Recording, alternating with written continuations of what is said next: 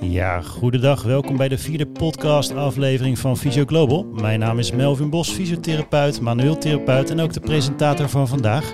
Vandaag gaan we het hebben over fysieke zelfverredzaamheid in het algemeen. Bij ons in de uitzending is Esther Molenaar, aanwezig als gastspreker. Zij zal zich kort introduceren bij de start van deze podcast en dan gaan we beginnen over het onderwerp. Welkom Esther in uh, deze vierde podcast aflevering. Ja, dankjewel. Zo. Leuk om, uh, oh, leuk om in de podcast te zijn.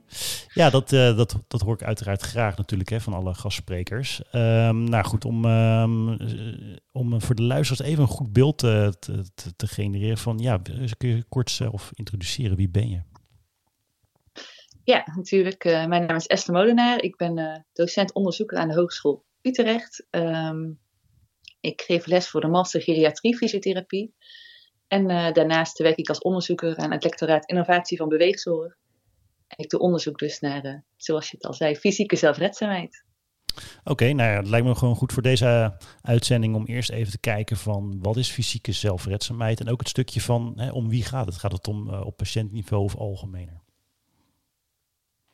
Ja, ja nee, heel belangrijk om daarmee te beginnen. Van wat is nu precies fysieke zelfredzaamheid? Uh, want dat heb ik uh, dus onderzocht. En toen ik begon uh, met mijn promotiestudie, toen was het wel de, de term zelfredzaamheid bekend. En allerlei verschillende vormen van zelfredzaamheid. Bijvoorbeeld ook financiële zelfredzaamheid.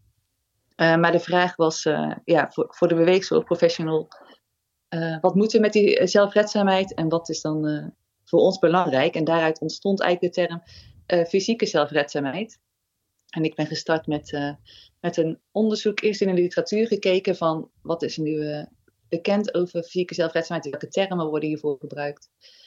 En um, daarbij hebben we niet alleen de literatuur geraadpleegd, maar ook verschillende zorgprofessionals. En daaruit is een, is een definitie gekomen. En dat is fysiek veilig onafhankelijk functioneren in de eigen context. Oké.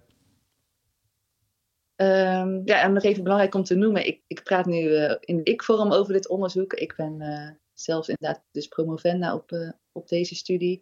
maar ik doe dit natuurlijk niet alleen. Um, ik noemde al even het lectoraat waarbinnen ik werk. En daarbinnen specifiek werk ik samen met Dianne Barten en Cindy Veenhoff aan deze studie. En daar hebben ook heel veel de zorgverleners meegewerkt. Oké.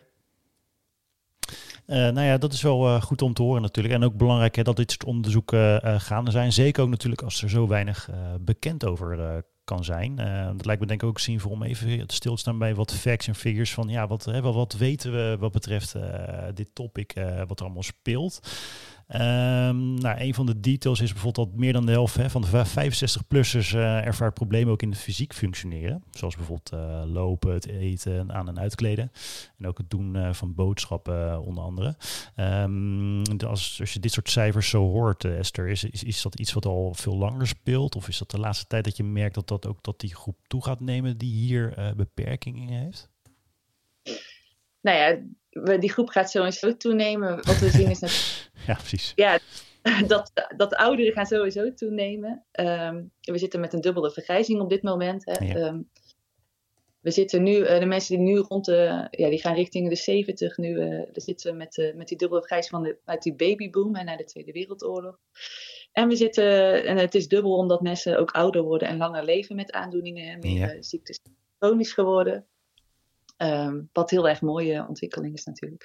Maar daardoor neemt die groep ouderen toe. En wat we zullen zien in de toekomst, is dat ook de, de verhouding tussen de werkende populatie en de mensen die ouder zijn, die gaat steeds schever worden. Er gaan steeds minder uh, mensen werken ten opzichte van mensen die niet meer werken. Uh, dus die groep uh, ouderen die wordt alleen maar uh, groter. En daarnaast, ja, wat, wat, brengt dat met zich mee, dat ouder worden? Nou ja, ze zeggen al ouderdom komt met gebreken.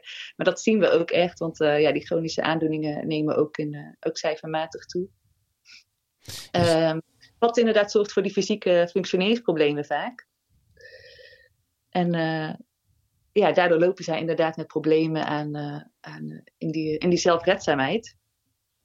Dus, um, je gaf net ook um, aan in, um, in de reactie dat uh, natuurlijk dat, dat die verhouding ook gaat verschuiven tussen hè, de werkende groep versus de niet werkende groep. Hè, dus de oude groep die natuurlijk niet werkt versus de jonge groep die wel werkt. Is dat aan zich die verandering? Uh, is, dat, is dat ook een uh, factor die een rol kan spelen die, binnen dit fysieke zelfredzaamheid?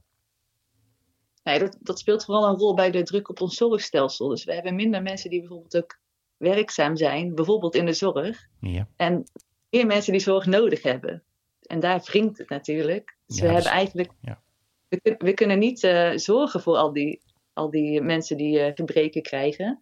Eh, en daarom wordt ook juist verwacht dat zij zichzelf kunnen redden en dus zelfredzaam zijn.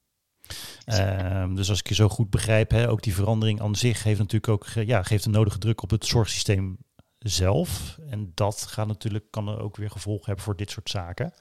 Ehm, nou, de vergrijzing komt natuurlijk, ehm, neemt natuurlijk ook alleen maar toe. En ook zeker bij de babyboomers natuurlijk.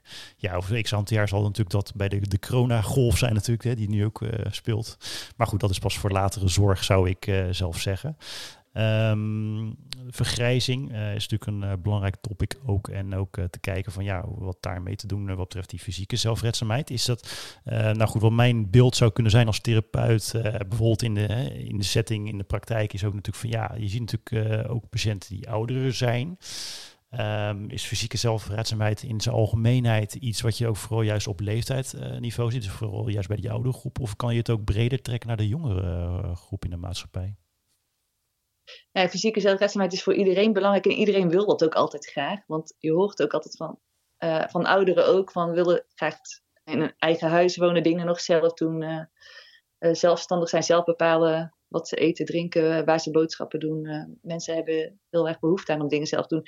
En je zult misschien zelf ook wel herkennen dat als je bijvoorbeeld iets krijgt, bijvoorbeeld eh, je bent geopereerd aan een gebroken been, en dan is het heel vervelend als je steeds hulp moet vragen aan iemand. Ik denk dat, dat heel veel mensen dat, eh, dat wel herkennen. Dus zelfredzaamheid is, of fysieke zelfredzaamheid is niet alleen een probleem eh, bij de ouderen, maar komt ook eh, bij jongeren voor. Maar wat we zien is inderdaad hoe dat die beperkingen door, vaak door ouderdom ontstaan, is, is dat ze daar eh, mensen chronisch problemen krijgen met de fysieke zelfredzaamheid. Kijk, als jij je been breekt en je revalideert daarvan, dan op een gegeven moment ja, dan, dan gaat dat weer over en dan ben je weer helemaal fysiek zelfredzaam misschien. Bij chronische aandoeningen ja, krijgen mensen als het ware chronisch problemen met de fysieke zelfredzaamheid. Oké, dus als ik het zo goed begrijp, hè, is het zo dat eh, fysieke zelf, zelfredzaamheid natuurlijk veel breder kan worden getrokken. Dus ook bij de jongere eh, de groep. Alleen de kans kan natuurlijk toenemen als natuurlijk eh, die groep wat ouder is. Eh, waarbij ook, eh, wat je aangeeft, ook chronische tijd natuurlijk ook wel eh, een factor kan zijn. eh, dat, dat dat het proces kan versnellen, dan wel kan vergroten misschien wel. In het kader van problemen met fysieke zelfredzaamheid. Ja, we zullen zo meteen nog wel even over gaan hebben. Bijvoorbeeld dat, dat niet alleen die fysieke functie belangrijk is bij fysieke zelfredzaamheid, maar ook uh, bijvoorbeeld het copinggedrag van mensen. En wat we ook zien, is dat de coping wordt ook anders als jij weet dat jij uh, tijdelijk een beperking hebt. Of jij hebt uh, chronisch langdurige beperking die alleen maar bijvoorbeeld degeneratief is, dus die alleen maar erger gaat worden. Dan sta je ook anders in, in, je, in je coping, zeg maar. Dan, dan zal, dat, zal dat ook anders zijn.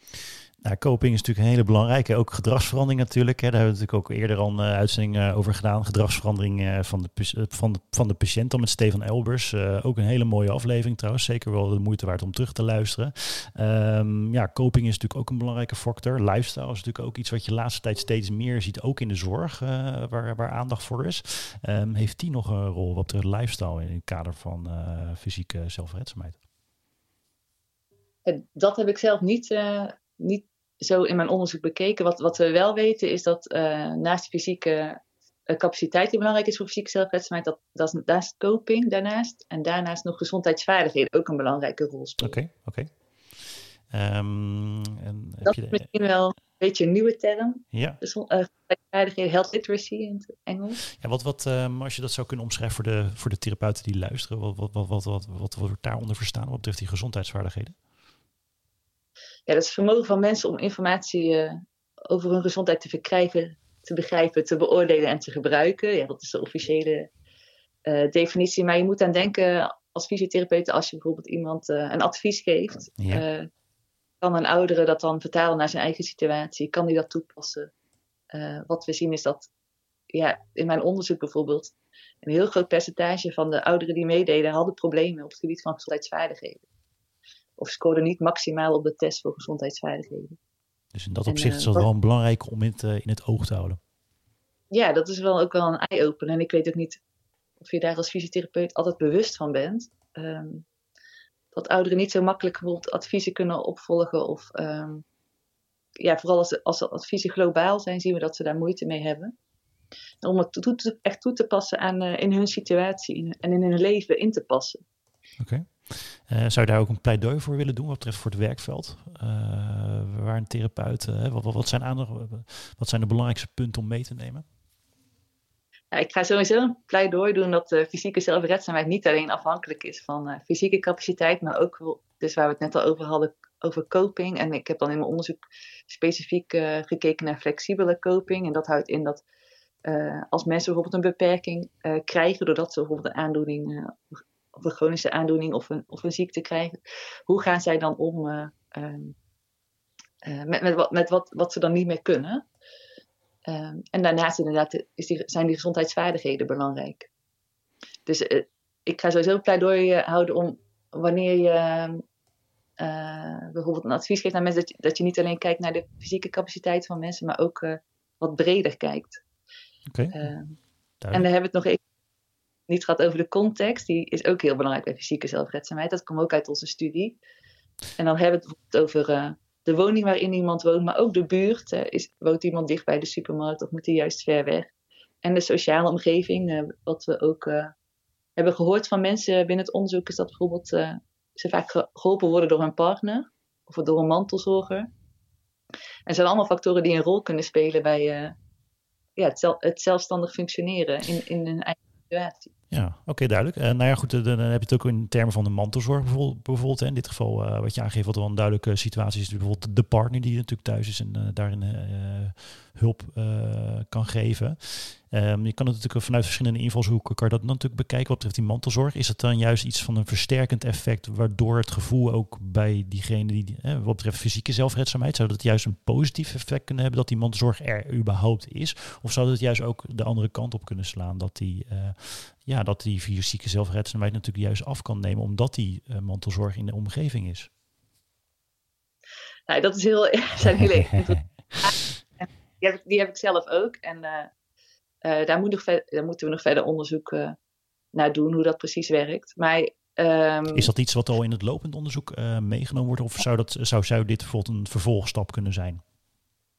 Hmm. Voor, voor na de onderzoeken om te integreren?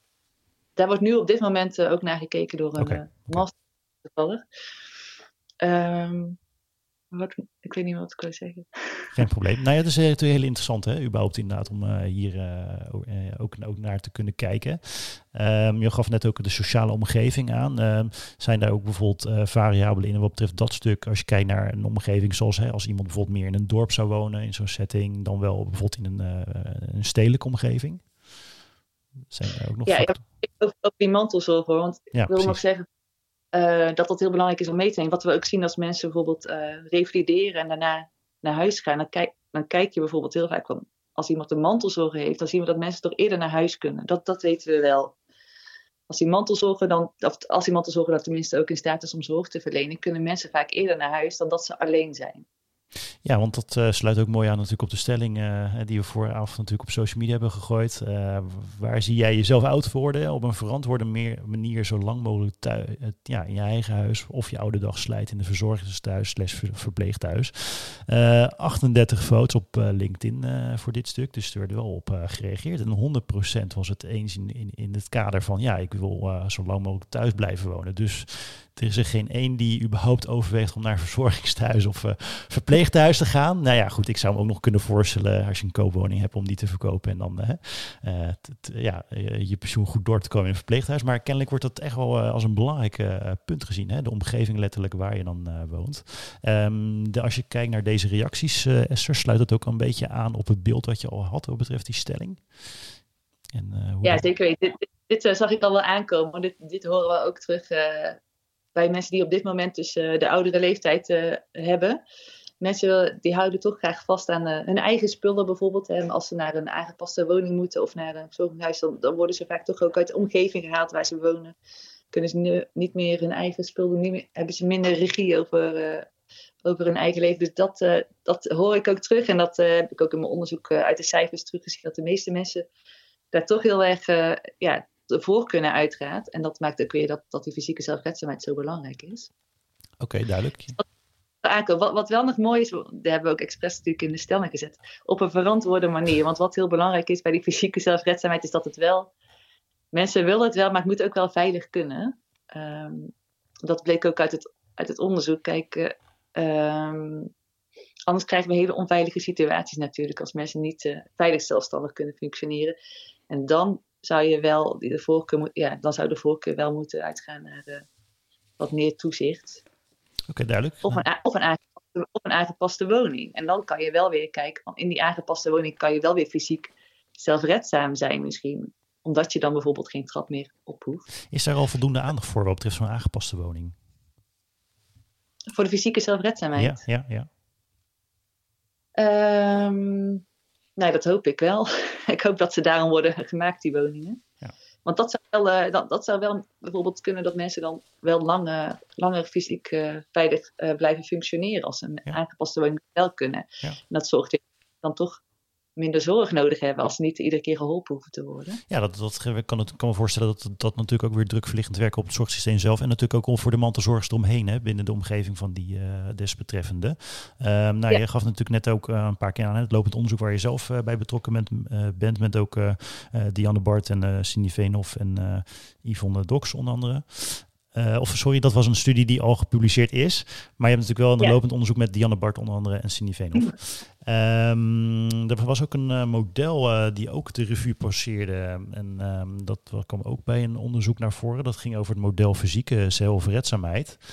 met ook de fysieke capaciteit, coping, empowerment en gezondheidsvaardigheden. Nou, we hebben net al eerder het gehad over gezondheidsvaardigheden onder andere. empowerment, ja, wat, wat, wat, wat, wordt daaronder geschaard in zo'n model van fysieke zelfredzaamheid? Ja, empowerment is eigenlijk een heel erg brede factor die uit een heleboel waar een heleboel dingen onder vallen. En er zijn een heleboel verschillende definities voor. Wij hebben vooral gekeken naar het vermogen van mensen om hun leven vorm en betekenis te geven. Daar valt bijvoorbeeld uh, zelfmanagement, maar ook motivatie uh, onder. Um, en dat horen vooral van de zorgprofessionals terug, dat dat, uh, dat, dat belangrijk is. Okay. Die empowerment. En we hebben daarna gekeken naar welke meetinstrumenten we bij deze, bij deze domeinen zouden kunnen passen.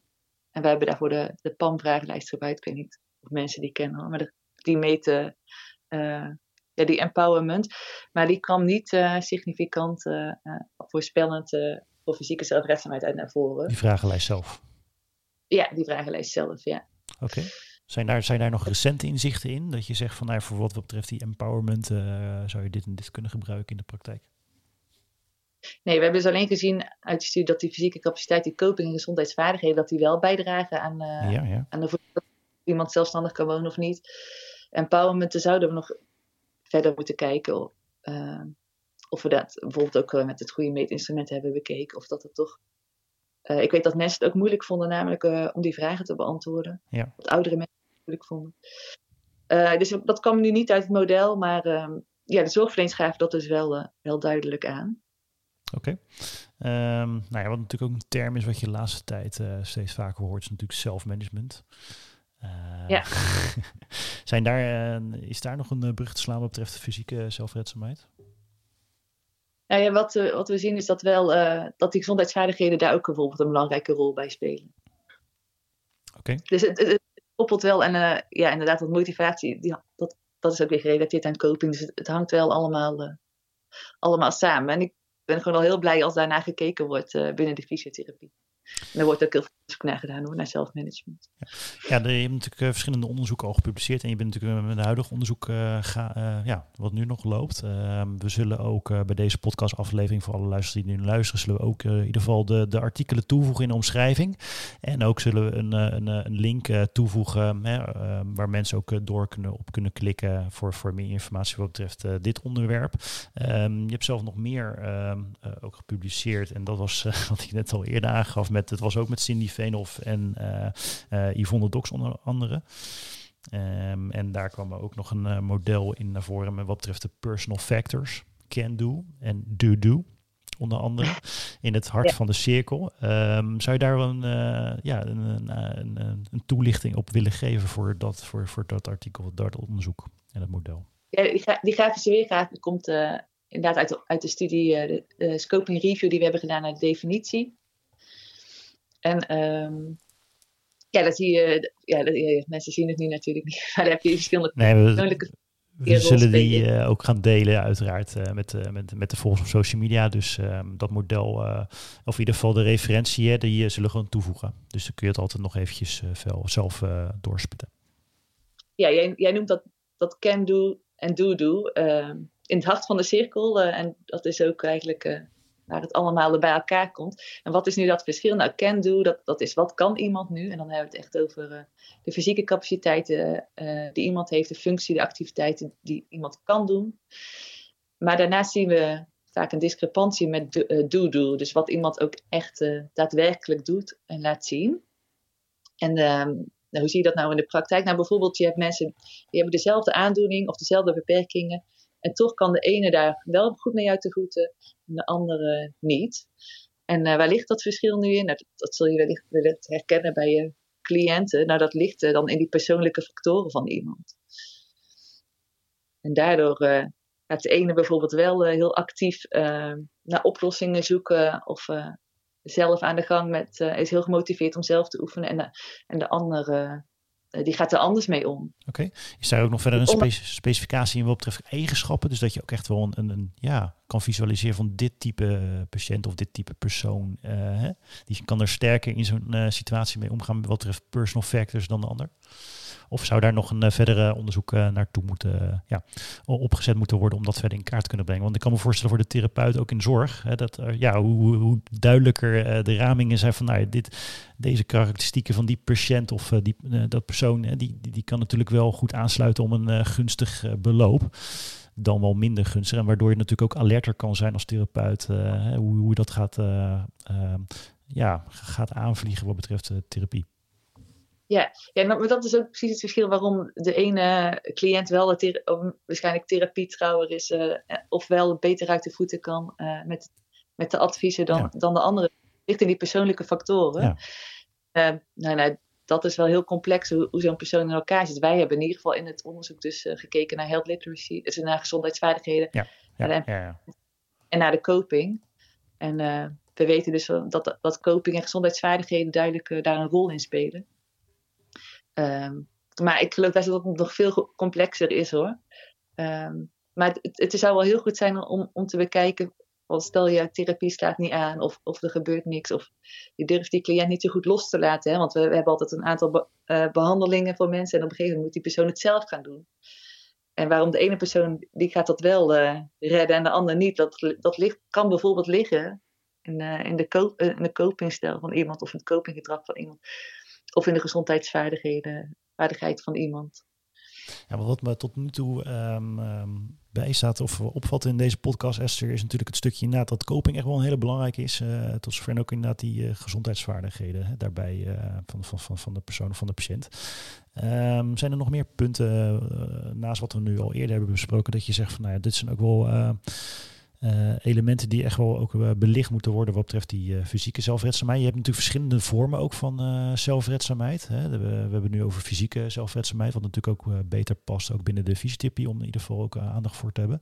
zijn er ook andere vormen bekend en, en, en zo ja, hebben die nog een rol binnen het zorg of binnen de fysiotherapie of, of die, die er juist los voor staan, wat minder relevant kan zijn?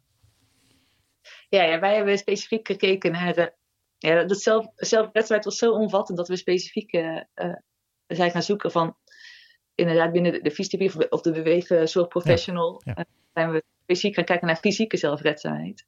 Om zo hand, handvaten te vinden voor, voor de praktijk. Uh, want je hebt, in het, ja, je hebt allerlei vormen van fysieke zelfredzaamheid. Ik noem net ook al van bijvoorbeeld financiële zelfredzaamheid. Ja, ja, ja. Um, daar andere vormen in. En ja, om dat behapbaar te maken voor, voor de beweegzorgprofessional. Zijn we op zoek gaan naar fysieke zelfredzaamheid. En wat nog wel belangrijk is voor fysieke zelfredzaamheid, is buiten die persoonlijke factoren en die fysieke capaciteit, uh, wil ik toch nog even het belang noemen van de, van de context van de omgeving. En dat kan bijvoorbeeld ook zitten in een stimulerende omgeving of een niet-stimulerende omgeving waar iemand zich in bevindt. Dus um, ja, dat, dat is ook, ook belangrijk. Bijvoorbeeld de sociale omgeving van iemand. Zit iemand in wat, uh, wat, wat, wat, wat, zou je kunnen kaderen wat betreft die specificerende of, of het stimulerende omgeving versus de niet-stimulerende? Hoe kun je daarin differentiëren?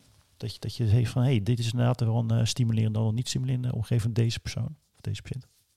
stimulerende omgeving kan zijn in een persoon. Dus iemand die jou helpt en motiveert. En, en ja, ja, een soort ja, coach. daarmee helpt.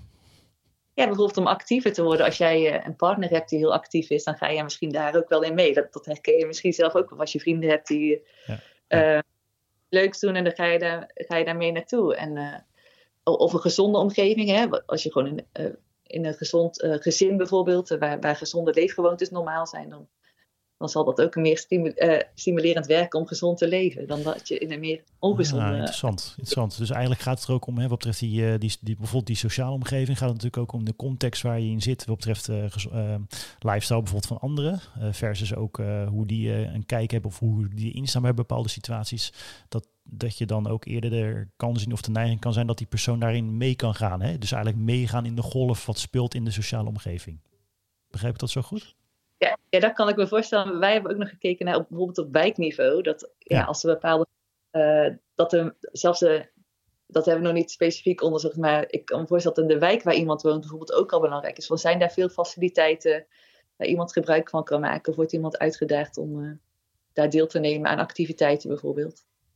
Nou, wat natuurlijk ook de laatste tijd uh, booming is, is hè, de uh, zorg in de wijk. Dat is natuurlijk ook een hele belangrijke, ook voor huisartsen bijvoorbeeld, zijn er ook druk mee bezig. Um, zou je daar ook nog een pleidooi willen doen wat betreft dit onderwerp, voor gewoon op, hè, in, op wijkniveau? Ja, ja dit, dit onderwerp maakt ook deel uit van de, van de beste module beweegzorg in de wijk. Uh, Kijk. Omdat we proberen wel met dit model, dus een, een model te maken waar, ja, daar hebben we ook verschillende zorgprofessionals aan meegewerkt. Uh, en we hopen daarmee dat uh, uh, de verschillende zorgprofessionals in de wijk, ehm, niet alleen zorgprofessionals trouwens, ook mensen in het sociaal domein, dat die gaan spreken over hetzelfde en dezelfde definitie gaan hanteren. En, ehm, dus daarmee proberen we dat interprofessioneel samenwerken in de wijk ook wel een extra boost te geven. Ja, een stukje, stukje uniformiteit, hè, om het ook efficiënt in te delen. En ook natuurlijk ook duidelijk voor de, de groep die uh, daarin uh, uh, ondersteuning kan krijgen, dat het allemaal wel gewoon transparant is en gezamenlijk ook is. Ja, dus we spreken over het, als we gaan praten over hetzelfde en bijvoorbeeld ook dezelfde meetinstrumenten gaan gebruiken hiervoor. Dus ik heb gekeken naar meetinstrumenten die te hanteren zijn door verschillende zorgprofessionals. En, maar ook inderdaad mensen uit het sociale domein. Dus om zo uh, die, die makkelijk kunnen worden gebruikt, die snel kunnen worden afgenomen. Zodat verschillende professionals uh, daar gebruik van kunnen maken. En daarmee hoop ik wel dat de samenwerking ook uh, gestimuleerd wordt.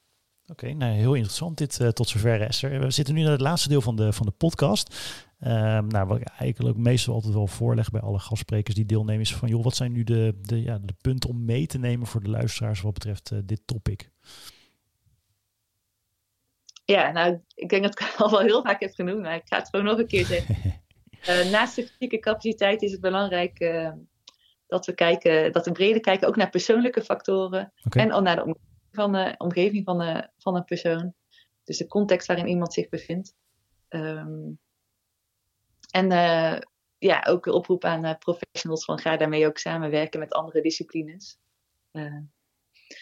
Dus denk je inderdaad van, heeft bijvoorbeeld iemand uh, problemen op het gebied van, uh, van gezondheidsvaardigheden of coping, of uh, die, die jij wel kan signaleren bijvoorbeeld als beweegprofessional, maar waarvan je denkt, ja, hier, hier kan ik eigenlijk niks meer. Zoek, zoek dan ook die samenwerking daarin. Dus dat advies gaan we ook geven. We zijn nu aan het ontwikkelen adviezen die behoren bij de verschillende kenmerken van de personen. En er zal bijvoorbeeld ook een advies zijn van neem contact op met een sociaal makelaar of uh, uh, een andere uh, professional waarmee je wel goed kunt samenwerken. waar misschien niet, ja, omdat je expertise daar misschien niet ligt, schakel daar een andere professional bij in en werk samen om die patiënt of cliënt zo fysiek zelfredzaam mogelijk te houden. Oké, nou ja, tot, tot, tot, tot, tot zover super interessant. Esther, als mensen meer willen weten, hoe, ja, hoe kunnen ze het beste contact met je zoeken? Ja, dat mag altijd via de e- e-mail, dus apenstaatjehu.nl.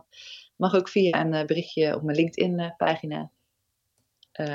en de website zullen we nog even bij de podcast vermelden. Oké, nou ja, dankjewel in ieder geval. Uh, tot zover uh, voor, voor, voor, voor, voor, voor de deelname aan deze podcast uh, aflevering.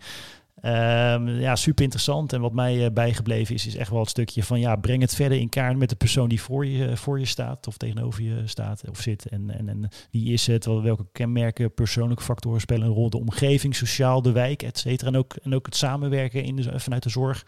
Ook voor die desbetreffende op dit stuk. En ook natuurlijk de thuissituatie van hè, het, het, zelf langer thuis kunnen blijven dan wel naar de verpleeghuis. Die setting, ja, heel, heel belangrijk om hierover uh, in gesprek te zijn. En volgens mij wil je nog, nog punt meegeven, Esther?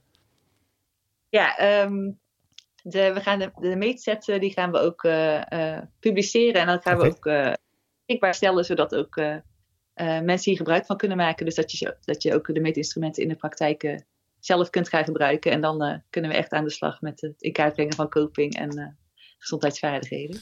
Oké, okay, nou, hartstikke bedankt Esther voor, voor je deelname voor deze aflevering. Graag gedaan. En uh, nou goed, uh, als er meer is, dan hoor ik het graag op betreft dit topic. Super belangrijk, ook voor de zorg en ook voor de fysiotherapie. Uh, ook bedankt uh, alle luisteraars uh, voor de deelname aan deze podcast. dat was Esther Molenaar, promovenda lectoraat innovatie van beweegzorg van de U. ook docenten van de Master van Anne Geriatrie Fysiotherapie. wil je meer weten? Nou ja, dan gaf Esther ook al eerder haar e-mailadres. Um, en uiteraard zullen we ook alle referenties toevoegen op de omschrijving van de podcastaflevering. En ook zal de website worden gedeeld op de omschrijving. Heb je zelf nog ideeën of leuke onderwerpen om uh, mee te geven uh, voor een uh, nieuwe podcastaflevering? Zet ze dan op de mail of zet ze op de chat op social media van Visio Global. Dank nogmaals voor het luisteren voor deze aflevering.